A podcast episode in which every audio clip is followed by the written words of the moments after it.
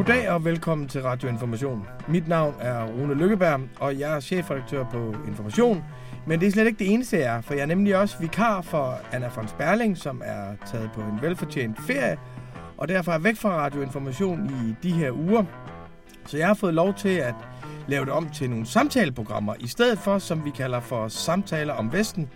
Jeg udgav for et par måneder siden en bog, der hed Vesten om Vesten, og det fantastiske ved at være journalist, det er jo, at ligegyldigt hvad man skriver om, så ved man, at der er nogen, der ved noget mere end det, man selv har skrevet. Og derfor, da jeg skrev den bog, der, så fremstår du altid som postulat om, at jeg ved en masse. Men der er også en masse, jeg ikke ved. Så jeg har besluttet mig for, her hen over sommeren, at invitere nogen, der ved mere om det, jeg har skrevet om, end jeg selv gør, og spille spørgsmål til alt det, som jeg ikke ved, og som jeg gerne vil vide mere om. Og i dag er jeg så heldig, at Helle Porsdam, som er professor ved Saxo Instituttet og Ph.D. fra Yale, har sagt ja til at være med til at tale om øh, flere fortællinger om Amerika og flere forskellige andre ting, som jeg berører i bogen, men ikke rigtig kommer så dybt med, som jeg gerne øh, ville. Tusind tak, for at du var med, Helle. Det er, du er velkommen. Øhm, så vil jeg sige, at jeg opdagede for første gang din særlige måde at tænke på, da jeg læste øh, fra Pax Americana til Lex Americana i, i magtudredningen for, for nogle år siden. Og den vil jeg virkelig anbefale til alle vores lyttere, fordi det er en meget interessant læsning af kultur, politik og jura sammen, og en kulturimport, som jeg slet ikke havde set komme. Øh, og, og siden må jeg sige, at der er utrolig mange ting, jeg ser igennem den bog. Det er en meget original og overbevisende bog, som kom som et, øh, et, et, et bind i, i magtudredningen. Den vil jeg øh, anbefale alle vores lyttere at gå ud og, og, øh, og, og læse. Tak for det. Øhm, en del af min bog handler om de rejser, jeg har lavet sammen med mine børn. Men det, en omdrejningspunkt for bogen, det er, at vi i 2008, der var vi over at se Obama-vindvalget, i, hvor vi tog til San Francisco for at være det mest venstreorienterede sted, vi kunne forestille os. Og i 2016, der tog vi til Washington og så Trump-vindvalget. De to begivenheder, øh, lys og mørke på hver deres måde, de står sådan meget epokalt i, i min bevidsthed. Jeg starter med at spørge dig, Helle, hvor var du, da Obama blev valgt, og hvordan husker du det?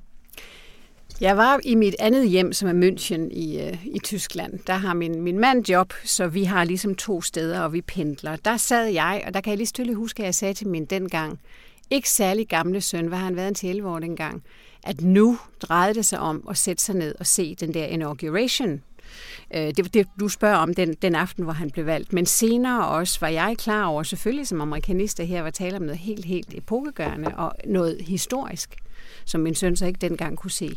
Men vi var jo optaget af det håb, det var. Ikke? Altså, det var fantastisk, når man har undervist i uh, civil rights-bevægelsen og i sortes rolle i amerikansk politik så det jo fantastisk, at her stod vi for første gang med en sort præsident. Ikke? Så det står jo lysende klart, tror jeg, for rigtig mange mennesker. Jeg tror, du har helt ret i din bog, at det husker vi, det der, den aften. Havde du troet inden, at en, at en sort mand ville kunne blive præsident i 2008? Ikke før ret langt lige før valget, altså hvor ligesom, ligesom øh, øh, survey efter survey viste, at der var almindelig, øh, almindelig stemning for ham. Det var, øh, jeg, jeg troede ikke på det i lang tid, det gjorde jeg jo heller ikke med Trump. Øh, nej. nej.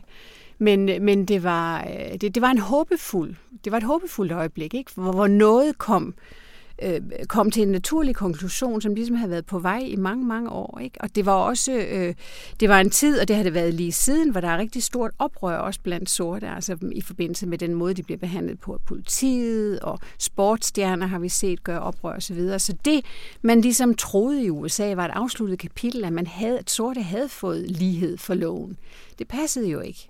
Så, så der, var, der var håb der på det tidspunkt med Obama, at nu kom nu blev det til noget, noget af det, som ligesom lå i, i The Promise of America, ikke? det som amerikanerne selv ser som det kan deres land. Ikke? Øhm, når, øhm, når jeg tænker tilbage på den enormt opløftende oplevelse, det var, da vi var i San Francisco og så Obama blive valgt, og i øvrigt også, vi tog til Texas og så blive genvalgt i, i 2012, mm. så var der en lang periode, hvor jeg tænkte, gud, hvor var vi naive, at vi troede på, at der var noget, der kunne laves om, og at i virkeligheden så ville Trump komme bagefter. Øh, jeg tror, jeg ændrede min tænkning lidt om det faktisk det seneste halve år eller sådan noget, fordi jeg tænker, at Trump og Obama definerer et spektrum inden for hvilket utrolig mange ting kan ske, og jeg går lidt til valget i 2020 med, at, at øh, ja, vi fik Trump sidste gang, det kan blive Obama næste gang. Tænker du tilbage på det håb, du havde, mm. øh, da Obama blev valgt som udtryk for naivitet nu? Nej, jeg synes, det var reelt. Men der, der er jo, altså, han er jo også blevet bedømt på mange måder, og levede måske ikke helt op til det håb, man havde, og det han selv havde sat i udsigt, øh, da vi skete, da han blev præsident. Ikke? Men, øh, men der var ingen, der... Altså, jeg troede overhovedet ikke på, at Trump kunne vinde.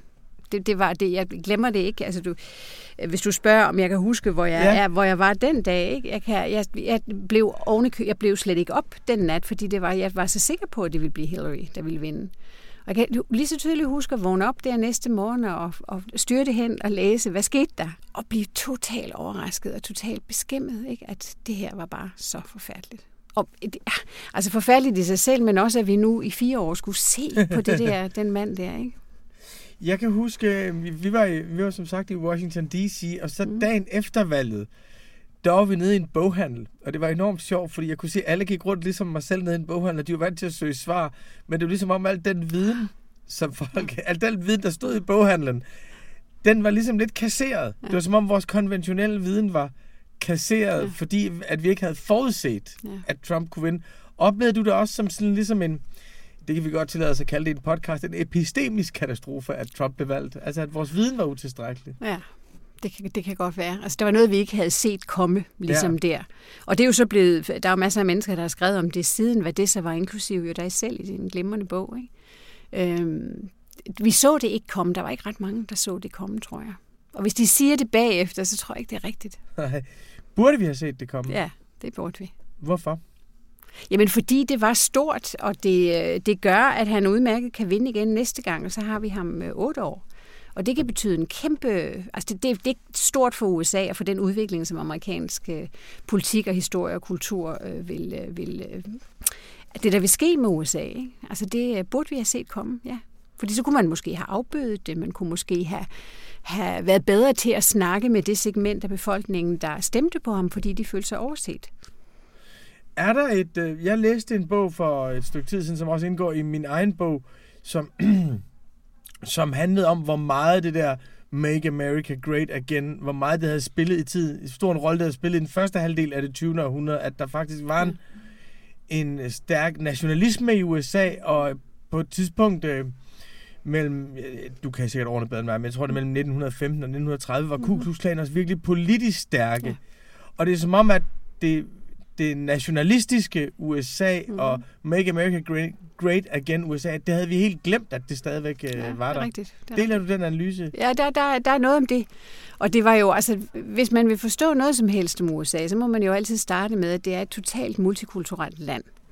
Øh, og der har været flere bølger ned gennem amerikansk historie, hvor man ligesom har ville, øh, øh ville åbne op for indvandring, eller, eller tillade indvandring fra Europa, som man ligesom så som, som øh, det historiske udgangspunkt for USA og lukke for indvandring alle andre steder hen. Der har der været flere bølger af. Og Ku Klux Klan er jo sådan et, et, et udmærket eksempel på det, og det var, det var i de år der.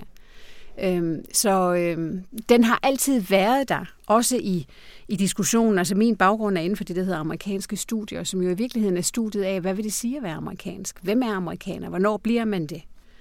Øhm, og det, det har, noget af det, der har interesseret mig altid, har været, at det har den amerikanske højesteret været med til at bestemme. Mm, og det er ja. så det, vi kommer ind på på jurens rolle i, i uh, USA. Du nævnte før, før civil rights. Der er ligesom også, der er, der er en fortælling om, der er mange fortællinger om, hvordan Trump ja. blev præsident i USA. Ja. Og jeg tror, at, øh, at man skal lægge dem op ved siden af hinanden og sige, at de har alle sammen noget for sig i en samlet fortælling. Øh, men der er jo en fortælling, som handler om, at, øh, at det har været civil rights, og det har været de progressive, det har været de liberale, der dominerede. Det har været et bestemt USA, som har, som har, har, har domineret ja. børnene af, af Kennedy og hele det der. Ja. Øh, deler du også den opfattelse? Altså i mange år, da jeg læste uh, American Studies på, på Yale University sådan i slutningen af 80'erne, der var det jo The Liberal Tradition, Louis ja. Hartz's bog der, ikke? Ja. som ligesom var troen på bjerget. Det var den sande amerikanske tradition. Og lige så langsomt, så måtte man jo erkende, at der var også en meget, meget stor konservativ og neokonservativ, og så efterhånden neoliberal tradition også i det. Ikke? Så i lang tid så amerikanerne sig selv som den der liberale tradition, der, som drejede sig om, at alle skulle have lige rettigheder, og alle minoriteter skulle blive hørt på samme, at man ligesom måtte finde en måde, hvorpå man kunne, man kunne øh, snakke om eller balancere flertallets rettigheder i forhold til, til mindretallets rettigheder. Ikke? Men den har jo så ikke holdt ved nærmere eftersyn. Den er blevet dekonstrueret indtil flere gange, og man har ligesom måttet indse, at der er alle mulige andre historier, der også har været vigtige ikke, i amerikansk historie når man så dengang Trump blev valgt, der oplevede jeg det jo som katastrofe. Altså en, en moralsk og en epistemisk og en politisk øh, katastrofe. Nu her to og et halvt år efter, der er jeg lidt i tvivl faktisk. Mm. Ja, altså fordi på den ene side, han har ikke startet nogen krige. Han har jo faktisk ikke startet nogen. Nej, ikke endnu. Nej, ikke endnu. Det er godt han har ikke startet nogen krige. og den amerikanske økonomi har han i hvert fald ikke ødelagt. Nej. Altså, Men den, den, den arvede han jo også fra Obama, ikke? Så det, det, det er rigtigt nok at sige, at han har ikke ødelagt den. Altså, men, ja. men nej, præcis. Han har, han har ikke ødelagt den. Nej. Og, øh, og der er jo et voldsomt larm omkring hans mm. Twitter og hans... Altså, indimellem er han jo også bare et katastrofalt populærkulturelt øh, fænomen. Mm. Har han været så slem, som vi troede, eller, eller havde, gjorde vi ham værre? Nej, jeg synes, han har det. Jeg synes, der, der er rigtig mange områder, Øh, som, altså noget af det, som jeg jo følger med stor interesse, fordi det er det, jeg blandt andet skriver om og underviser i, det er jo, det er jo domstolene og den, ja. den, den rolle, han har spillet der. Ikke? Men hans tilgang til tilværelsen, hvis man overhovedet kan snakke om en tilgang, ja. den er jo meget, det, det er jo business, business, business. Ikke? Så øh, nu, nu har vi set det med Jared Kushner, hans svigersøn, at, at vejen, mener han, frem mod en løsning i Mellemøsten, det er via business og, og, og, og gøre noget for businesslivet der. Ikke? Ja. Så, så den der gamle retorik, liberale retorik, den er jo væk omkring lige rettigheder og sådan noget. Tværtimod er det, er det alt muligt andet i dag, og det er business, der skal, det er markedskræfterne, det er den vej, vi skal. Ikke? Det er dem, det er ikke, altså han, han er jo om nogen øh, øh, ligesom øh, øh, imod regulering fra det offentlige. Altså, amerikanerne er jo notorisk imod statsindgriben noget som helst sted, selv når det er på, på områder, hvor de, hvor de benefitter fra det. Det er helt vanvittigt. Ikke? Altså, de ligesom har købt den der historie med, at det, der kommer fra det offentlige, fra staten, det er dårligt. That government governs best, that governs least, ikke, som Grover Cleveland sagde ja. i, i 20'erne. Ikke? Øhm, det, er sådan, det er sådan den officielle, og den kører han jo meget, meget på også. Ikke? Og domstolene har han virkelig haft øh, en katastrofal indflydelse på os. Vi har en, en meget, meget højorienteret højesteret nu, ikke? og de sidder jo for life, de der folk. Og, og i det amerikanske system har man øh, prøvelsesretten og tror, tror på den. Man tror på, at der er visse rettigheder. Altså når man skal balancere minoriteters rettigheder over for flertallets rettigheder, Øhm, så det er vigtigt, og så har vi set i amerikansk historie, hvordan mindretallene har gået til domstolene. Civil rights-bevægelsen er et godt eksempel, Præcis, ja. kvindebevægelsen osv. Ikke? Øhm, og, og, og den, den, der her rettighedsbevidsthed øh, har, har været der i lang tid. Ikke? Og den, den er jo ved at gå nedenom og hjem nu, fordi det er ikke, det er ikke, det er ikke der, domstolen er i dag. Det er et helt andet sted. Og der har Trump været med til at uddanne og få en masse konservative dommer i, øh, i appeals courts og i højesteret, og de sidder meget, meget lang tid. Og på grund af, at de har prøvelsesretten, så er der rigtig mange ting, der ender på deres bord. Øh, så det er forholdet mellem ret og politik, der er et andet i USA i forhold til, hvad vi er, er vant til her, hvor, hvor vi har jo haft det Twins-sagen, men det er en af de få gange, hvor den danske højesteret overhovedet har gået ind og, sige, og har sagt, at noget af det, der kommer fra Folketinget, er grundlovsstridigt. Men det er en, en situation, vi ser i USA meget tit, og derfor er det lige præcis, at højesteret har den her enorme politiske betydning. Og derfor er det, at domstolene er så vigtige, og hans input der har været, vil vise sig, tror jeg, at være meget, meget stort. Ja, det er meget sjældent højesteret agerer som forfatningsdomstol. Det kunne i absolutte undtagelses øh, tilfælde. Men i det, i, i det perspektiv, der er Trumps udnævnelse af konservative dommer, han er så meget smart at vælge nogen, der er ret unge, så de kan sidde ja, i lang tid. præcis. Øh, men det er vel snarere kulminationen på en politisering af højesteret, som har været i gang i årtier, end at, det er et, end at det er et brud. Er det, er det ikke en forlængelse af en, af en udvikling? Det er rigtigt nok, men, men det som, som ligesom blev kaldt, altså i mange, mange år var jo juridisk aktivisme, hvor højesteret gjorde brug af prøvelsesretten, ikke? som for alvor startede med Earl Warren i, i, i 1950'erne. Han var udnævnt af, af Eisenhower som, øh, til, som til slut sagde, at that's the worst damn mistake I ever made. Fordi han troede, at, at uh, Earl Warren, som var, var, var pæn konservativ guvernør i, i Kalifornien, ville fortsætte sin politik, da han blev højesteretsdommer, ikke? Og, så, og så højstrætspræsident også. Det gjorde han ikke. Han havde en social conscience, viste sig. Og så fik vi en række sådan juridisk aktivistiske sager, hvor højesteret greb ind og virkelig øh, udtalte sig til fordel for de små i samfundet. Øh, så, så den der, og det er et eller andet, øh, det som er forskellen, synes jeg, en af de store forskelle fra USA og her, det er det der med, at hvis der er en konflikt, øh, hvis, hvis amerikanerne tror på, at der findes visse rettigheder, dem som der står i The Constitution, ja. at de skal trumfe det politiske. Ja. Modsat her, hvor, man, hvor, hvor holdningen ligesom lidt er, at vi er et parlamentarisk demokrati, og det flertallet siger, det er det, der gælder. Ikke? Jo. Men der mener amerikanerne igen af hensynet til den der, den der, den der balance mellem minoriteter og, og majoriteten, at øhm, en gang imellem, så kan flertallet tage fejl. Og hvad gør man så? Og der bør så visse fundamentale rettigheder trumfe det politiske. Og det er en helt anden måde at se det på. Det har også altid slået mig, når vi har lavet... Jeg har jo som regel lavet journalistik, når jeg har rejst med en familie i USA. Altså, hvor langt fremme i amerikanske borgers bevidsthed deres rettigheder ligger. Ja. Altså, hvor hurtigt selv, du ved, folk, der måske ikke har gået enormt meget i skole, og har enormt høj, altså, hvor, hvordan de kender deres rettigheder, og de, ja. de siger det meget, meget, meget, meget tidligt i samtalen. Jeg har ret til det og det og det og det. Altså, ja. det er, der er jo på en eller anden måde et konstitutionelt fællesskab. Ja, det, er, det er nemlig det, der er. Og det er også det, der, der i starten, det, det var det, der gjorde mig så, så interesseret i det. Jeg lavede mærke til, at, at som graduate student på Yale, der skulle jeg undervise undergraduates. Og alle de bedste, de ville på law school. Og det tænkte jeg, det var da, det var da underligt. Hvorfor ville de det? hvorfor ville de være jurister? Ja, hvorfor ville de være jurister? øhm, og, og det, øh, det var jo sådan et eller andet med selvfølgelig, at, at det, når jeg så spurgte dem, hvorfor ville de være det, ikke, så var der sådan en tredjedel, der sagde, at men, øh, vi skal tjene nogle penge. Ikke? Altså, hvis, hvis man virkelig bliver sådan en Wall Street lawyer, så kan man tjene masser af penge. Så det var sådan det ærlige svar. Ikke? Og så var der en, en anden tredjedel, som sagde, at vi skal ændre verden, og det ja. gør vi via domstolene. Det var de idealistiske dem, som ligesom mente, at... Øh, altså, det vil man ikke sige i Danmark. Hvis man skulle ændre verden, så tror jeg ikke... Så ved jeg ikke, hvad man ville læse. Journalistik. Journalistik. Og den tredje, den tredje tredjedel, så to speak, det var så dem, der ikke vidste, hvad de skulle være. Og så mente de, at det var et safe choice. Der kunne man altid blive alt muligt med. Og i dag er det jo også sådan, at vejen ind i amerikansk politik går jo gennem law school. Langt, mange, mange amerikanske præsidenter har været, ikke Trump, mind you, men mange af dem har jo været jurister, ikke Obama for eksempel.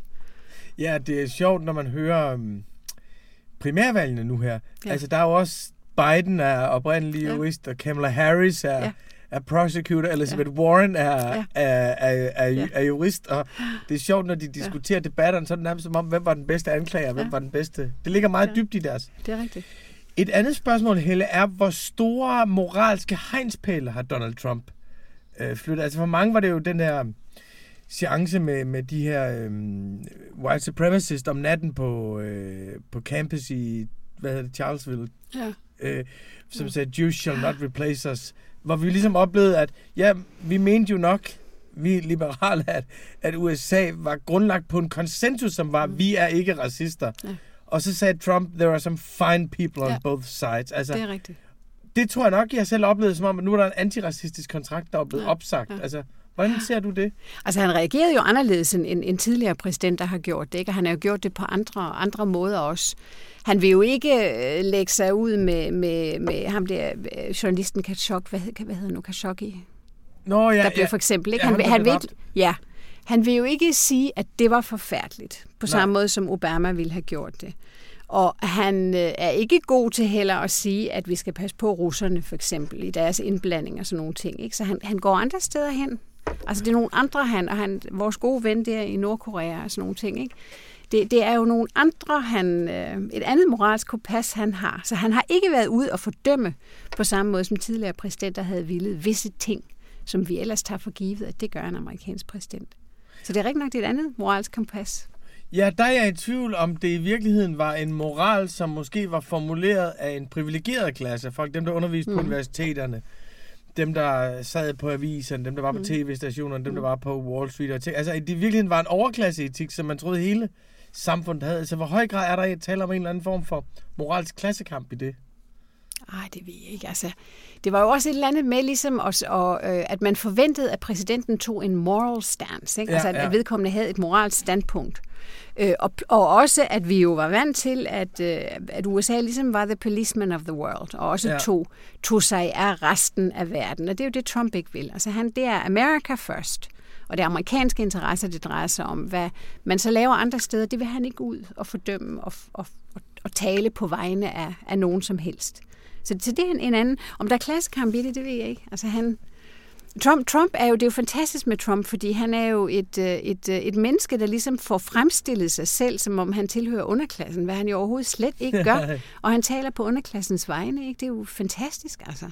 En af de rigeste mennesker, ikke? selvom han ikke har været nogen god businessman. Nej. Og det er jo mærkeligt, at- at der ikke kommer mere frem om det, synes jeg. Men det synes jeg er et sådan demokratiteoretisk mysterium ved USA. Hvordan kan det være, at man kan opleve så stor økonomisk ulighed, Ja. og så stemme en milliardær til, Ja. til magten? Altså, Ja. hvordan forklar... Jeg kan simpelthen... I sådan Platons teori, Platon var jo enormt bange for demokratiet, fordi det ville betyde, at de fattige smed de rige på porten. Ja. I Amerika der ser jeg faktisk det modsatte. Ja. At de fattige bliver ved med at vælge nogen, der er enormt rige. Hvordan forklarer du Ja. det? Det er, det er meget mystisk, fordi folk ligesom stemmer imod deres egne interesser. Ikke? Men Joan Williams har skrevet en bog, en amerikansk historiker på Berkeley, tror jeg hun er, øh, der kom sidste år eller året før, hvor hun siger, at, at noget af det, som, som vi ikke forstår i resten af verden, det er at fordele af underklassen, ikke, ikke dem, den, under, den del af underklassen, som rent faktisk er på, på øh, offentlig støtte, men, men the white working class, de har ikke en pind til overs for dem der, der får støtten, fordi de får al opmærksomheden, og de får ting uden at gøre noget for det. Det, de har kæmpe respekt for, det er hårdt arbejde og så videre. Og hvis man bare har hårdt arbejde, og sådan ser de den arbejdende overklasse, øh, så er det okay at være rig. Så hvis det ligesom bygger på, at man gør en indsats, og så, bliver man, så, bliver man, så får man noget for det, så kan der godt være forskel på rig og fattig.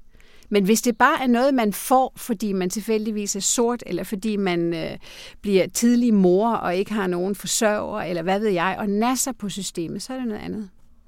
Så på en eller anden måde, så har de respekt for de der businessfolk, ikke, som Ja. virkelig tjener penge, og som arbejder altid og sådan noget, fordi det gør de selv. Og det er det, der får dem noget, noget ære i, og noget okay i. at der er en anden ting, jeg altid har tænkt på, men det er jo selvfølgelig, fordi jeg kommer fra et meget venstreorienteret synspunkt. Det er, jeg synes jo, i den amerikanske civil rights tradition og i den liberale historiefortælling, der er der meget lidt, der handler om omfordeling af penge. Ja. Der er enormt meget, der handler om at skabe formelle muligheder og rettigheder, men der er meget lidt også i alle de her, der er jo meget populær kultur i min bog, som ligesom handler om, hvordan de sorte kom fri fra slaveri, og de sorte fik stemmeret, og Voting Rights Act, alle de her ting. Men jeg tænker også nogle gange, at amerikanerne mangler en socialdemokratisk tradition. Absolut. Jamen, det er helt fuldstændig rigtigt. Jeg kan huske, da jeg kom til, til Yale i sin tid, ikke, der kom jeg fra et meget marxistisk øh, KU. da jeg læste engelsk, ikke, der var der, det var jo ikke litteraturteori, vi læste, det var marxistisk litteraturteori. Ikke? Og den der klasse model, ikke? Og, og i kulturstudier, som du også ved, ikke? der var den engelske tradition med kulturstudier, som havde rigtig meget med klasse at gøre. Ikke? Ja. Nul i USA. Det var alt sammen etnicitet. Så det var en helt anden måde at tænke forskel på. Ikke? Og de mangler en klassebevidsthed. Det er, altså, eller, eller amerikan, den officielle amerikanske måde at se på det er jo, at der er ikke nogen klasser. Vi er alle ens.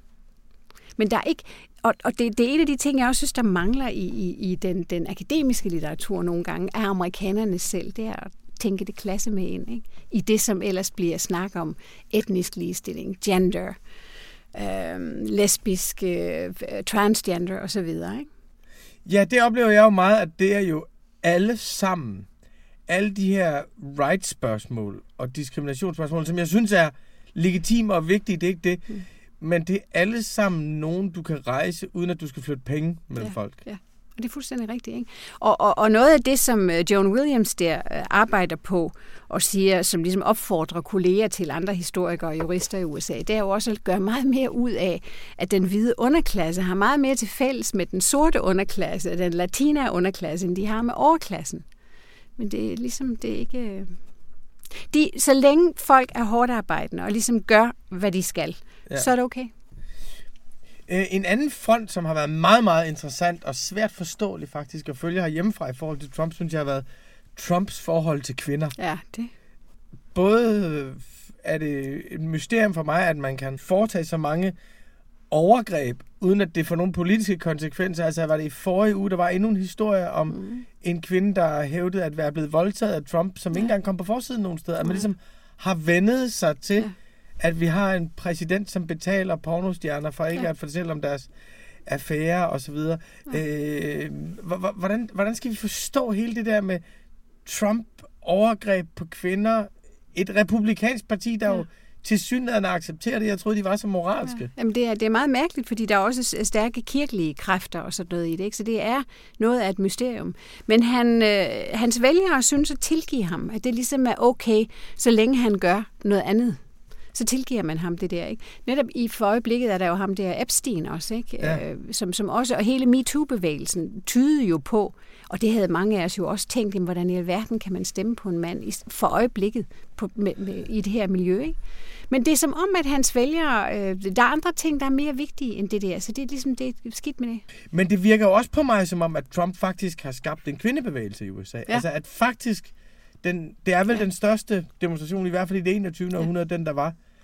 Hvordan ser du den ja, kvindepolitiske vækkelse, der har været efter. Trump? Den, den, er, den er meget reel, og den ser vi på, på, på mange områder. Ikke? Men, men øh, nogle gange går det så også måske for vidt, og så tror jeg, man taber nogen. Ja. Altså det, den der var spontan, den, den første der lige efter han var blevet præsident, og lige efter han havde startet sin embedsperiode. Ikke? Ja. Den var fuldstændig spontan og helt seriøs.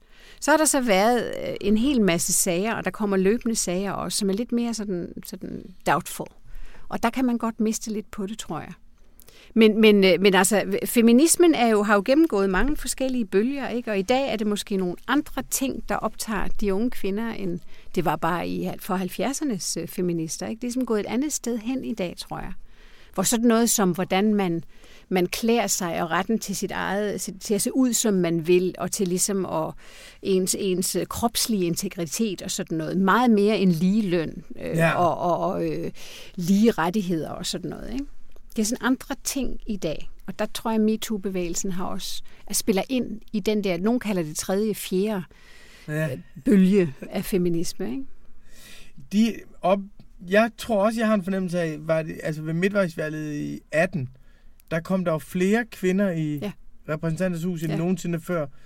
Når jeg hører de her, når man ser sådan Kamala Harris bankløs mm. på Joe Biden, når du ser mm-hmm. Elizabeth Warren føre sig frem, når du ser den unge Emma Gonzalez, altså mm-hmm. at det er også som om, at der kommer nogle stærke kvinder ind i amerikansk ja, politik. Helt sikkert.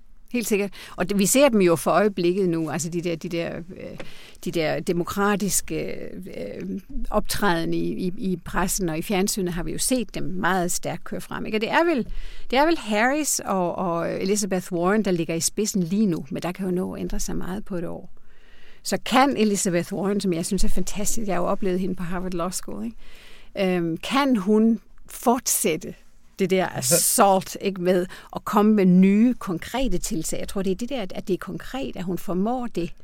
At tale ind i noget, der ikke bare er, er mærkelige idealer, men rent konkret tiltag for den fattigere del af befolkningen. Hvis hun kan keep it up, så tror jeg, hun har en chance.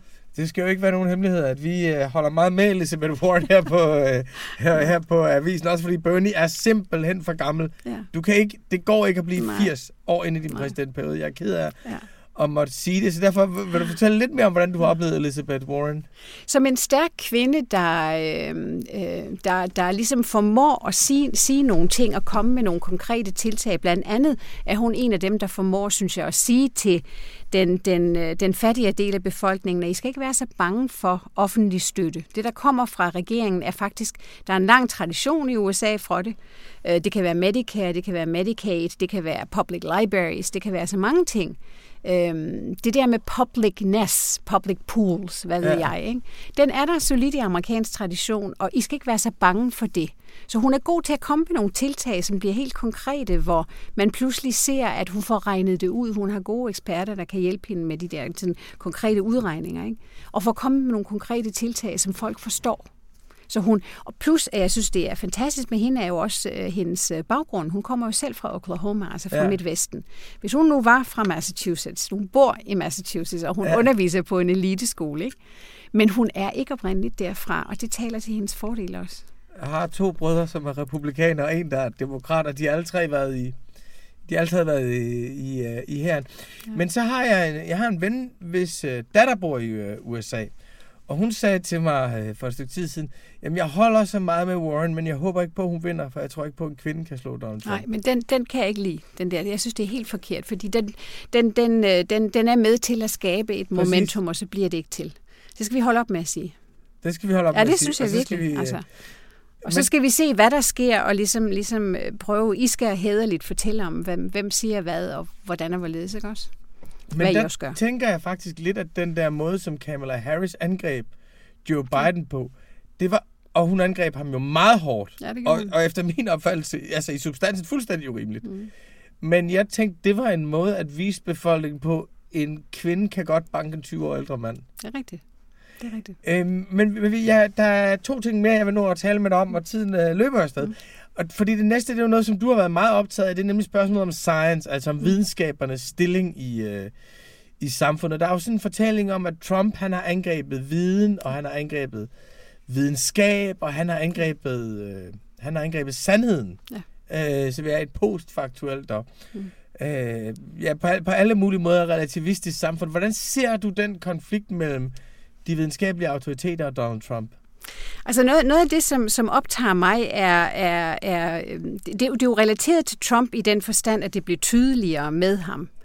Øh, og lige efter den der, den der øh, store demonstration, kvindedemonstration, så var jo noget af det første, vi fik, det var The March for Science, ikke? Ja. som jo var amerikansk inspireret og anti-Trump. Og der, der var, derfor var der mange i, i Europa, der ikke var så glade for det, altså videnskabsfolk, fordi de mente, vi skal jo ikke, det skal jo ikke være politisk det her, det skal være noget om, om science. Ikke? Altså det var, det var anti-Trump i starten, men for dem var det noget andet i Europa, fordi de skulle ikke ind i den der politiske debat. Ikke? Men det er sådan et, et, et øjeblik, vi er i, som, som, som Trump måske bare er et symptom på, hvor øh, man kan gå på medierne og tjekke en hel masse og hvor øh, den, den sådan, troen på bjerget meget ofte er, at jamen, din mening, fru Hansen, på, på gaden er lige så vigtig, som, som det en ekspert på Københavns eller Aarhus Universitet måtte sige. Ikke? Så der er ikke den store tiltro længere til, at eksperter kan finde ud af noget, der er værd at høre på. Det bliver, det bliver, så, så vi er i det, det er det, folk mener med post-truth, og sådan et, et, et, øh, et øjeblik, hvor der er ingen, der rigtig tror på, at der er en, en bestemt form for sandhed. Øhm, og der ser jeg mere Trump som et, et, øh, et symptom på noget. Og det, som optager mig, det er, hvordan finder vi den balance mellem på den ene side at få respekten tilbage for videnskaben, men samtidig gøre det på en kritisk måde. Fordi, fordi vi er i et øjeblik for øjeblikket, og du, du, du kender betegnelsen dual use uh, science, ikke? hvor naturvidenskab og teknik kan så utrolig meget godt, men også potentielt så utrolig meget skidt. Så vi skal have vores sunde, øh, kritiske briller på, når vi ser på naturvidenskab. Hvordan finder vi den balance mellem på den ene side at være med til, at folk genvinder troen på, at der findes noget, der er bedre end noget andet. Der findes, om ikke i sandheden, det tror jeg ikke, men der findes noget, vi ved lige nu.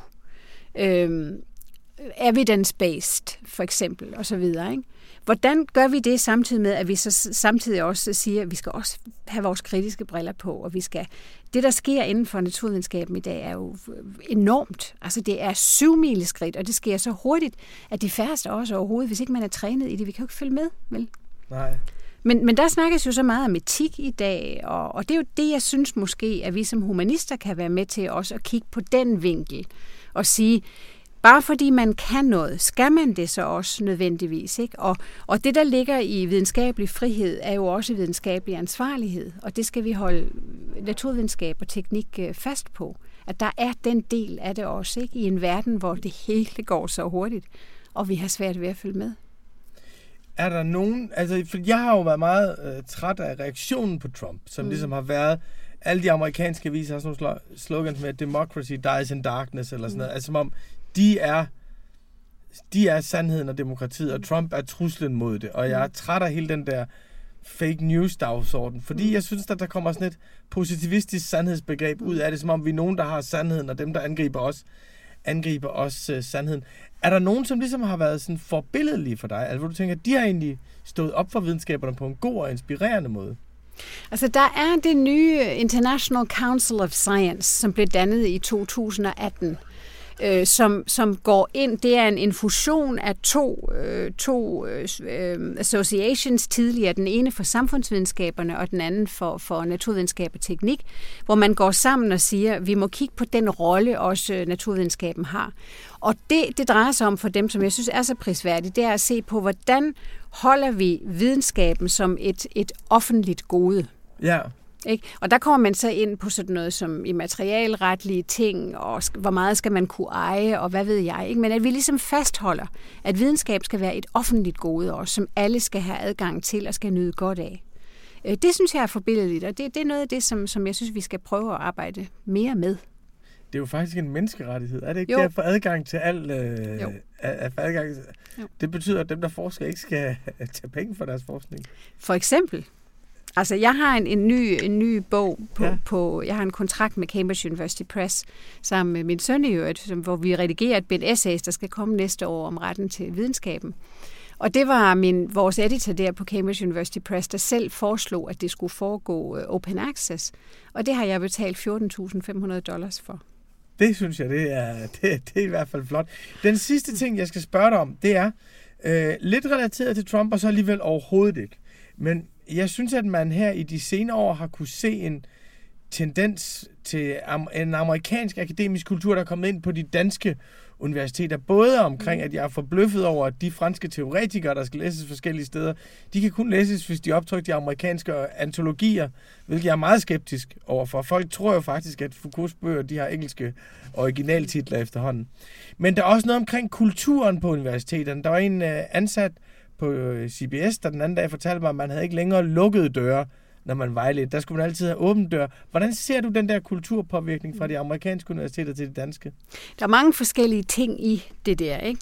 Altså, der er sådan noget som, som kanon-debatter, som drejer sig om, hvad er det for nogle bøger, vi skal læse. Skal vi kun læse de bøger, og hvilket sprog skal vi jo læse ja. dem på? Ikke? Men skal vi kun læse de bøger, som, som hvis vi læser filosofi for eksempel, som er skrevet af, af, af hvide europæiske filosofer, eller hvad skal vi læse? Øh, det er en, en, en debat, som jeg kender så og kendte, mødte på Yale i sin tid, den der politisk korrekthedsdebat at det var utrolig vigtigt med i, øh, i øh, at ligesom snakke om, hvad er det for eksempel i et kursus om amerikansk øh, litteratur, hvad er det for en litteratur, vi sætter på, hvis litteratur er det, vi læser, og hvordan øh, præsenterer vi dermed, dette er amerikansk litteratur. Ikke? Så der er sådan nogle ting i det, som jeg mener, vi, vi genkender så øh, vel fra, fra USA. Ikke?